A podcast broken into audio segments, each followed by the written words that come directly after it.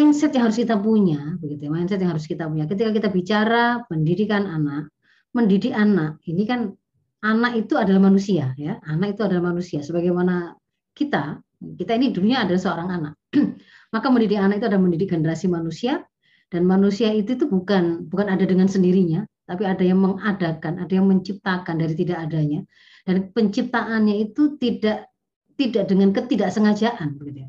Bukan nggak sengaja, tapi sengaja ada visi misi penciptaannya dari penciptanya. Maka kalau kemudian kita bicara tentang pendidikan anak, itu sebenarnya sangat berkaitan erat dengan prinsip-prinsip dasar bagaimana kita memandang manusia, kita memandang kehidupan ini, memandang alam semesta, siapa saya, siapa anak saya, untuk apa mereka ada, untuk apa mereka hidup. Mereka seharusnya kemudian eh, apa namanya saya cetak, saya desain untuk jadi orang-orang itu yang seperti apa. Ya, apakah kemudian dia harus saya cetak menjadi ulama, ataukah dia saya cetak menjadi polisi, ataukah menjadi tentara, ataukah menjadi dokter, ataukah menjadi dosen dan seterusnya, seterusnya begitu. Bagaimana kemudian eh, apa namanya kita memandang peran yang atau kiprah yang kemudian kita inginkan akan mereka mereka ukir dalam perjalanan hidup mereka, maka sebenarnya itu sangat ditentukan oleh kita sendiri memandang diri kita ini siapa anak kita ini siapa kehidupan ini dari mana alam semesta ini juga untuk apa ada begitu kan ya. Setelah ini mau ke mana sampai kemudian akhirnya bisa kita temukan bahwa di dalam eh, episode perjalanan hidup kita setelah kita sudah dudukkan bahwa kita ini pun tidak tidak terwujud tanpa kesengajaan tapi dengan visi misi penciptaan dari pencipta kita bahwa kita itu ada diciptakan untuk mengabdi kepadanya dengan menjalani kehidupan ini sesuai dengan aturan yang diberikan olehnya. Nanti akan kita pertanggungjawabkan ketika kita dikembalikan kepadanya. Maka di dalam episode perjalanan kita menjalani hidup itu ada fase di mana kemudian kita melakukan pernikahan kita mengambil amanah tambahan uh, di luar sebagai hamba Allah bahwa kita kemudian mengambil amanah menjadi seorang istri, lalu kemudian menjadi seorang ibu, dan kemudian di situ kita memiliki anak. Nah, di situ kemudian ada pandangan kita terhadap terhadap kelahiran anak-anak kita, posisinya, haknya itu atas kita itu apa, kewajiban kita terhadap itu seperti apa. Nah, maka pendidikan anak yang kemudian nanti akan kita pahami itu adalah bagian dari kewajiban yang harus kita sempurnakan terhadap anak-anak kita, sangat berkaitan erat, tidak semata-mata dengan apa namanya teknologi tertentu ya semata-mata berkaitan dengan ilmu pengetahuan tertentu seperti tadi itu teknik-teknik eh, apa namanya pendidikan kah alat-alat pendidikan kah ataukah kemudian bahkan hanya hal yang sifatnya tips dan trik tadi.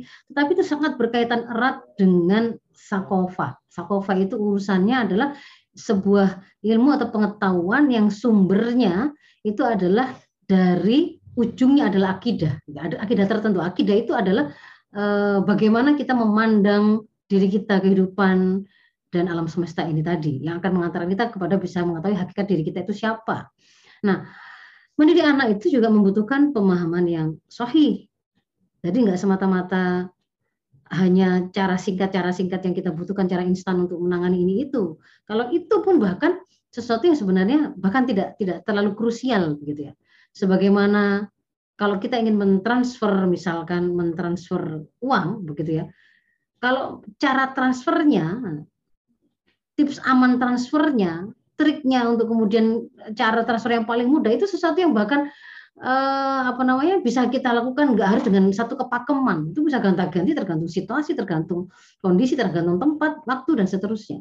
Tapi yang lebih penting itu sebenarnya punya nggak sih kita itu sesuatu yang mau kita transfer? Itu kalau kita bicara tentang misalkan transfer tadi. Sama dengan uh, pendidikan atau parenting ini tadi ya, pendidikan dan pengasuhan anak itu.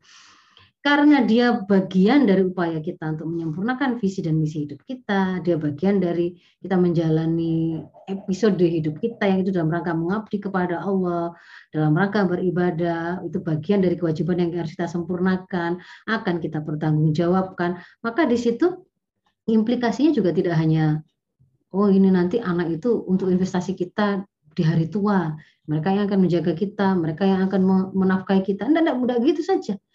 Tidak juga hanya untuk nanti anak-anak kita besar jadi apa ya? Dia bisa uh, bekerja dengan gaji yang seperti apa, kesejahteraan seperti apa. Tidak hanya itu, tetapi implikasinya ada juga di akhirat nanti. Sampai urusannya sampai dengan surga dan neraka. Apakah kemudian anak-anak kita itu akan menjadi jalan kita mendapatkan kemuliaan di sisi Allah, mendapatkan keridhaannya, mendapatkan surganya, ataukah malah bahkan ternyata kita akan berhadapan-hadapan dengan anak kita di mahkamah Allah dan mungkin ujungnya mungkin salah satu di antara kita kemudian akhirnya harus terpisah selama-lama ya di akhir selama-lamanya urusannya itu. Ketika salah satu masuk neraka ketika salah satu masuk surga itu sudah perpisahan selama-lamanya. Ataukah kemudian eh, kita justru saling bantu membantu saling menarik untuk kemudian mendapatkan surga ke ke kualitas yang lebih tinggi lebih tinggi. Karena memang eh, di dalam Islam juga diindikasikan seperti itu. Anggota keluarga bisa saling tarik menarik untuk mendapatkan surga yang lebih tinggi sekalipun anggota keluarga yang ditarik itu tidak memiliki amal uh, selevel atau sebaik anggota keluarga lain yang dia kemudian menariknya. Maka ini sebenarnya adalah perkara yang sangat besar, urusan yang sangat penting.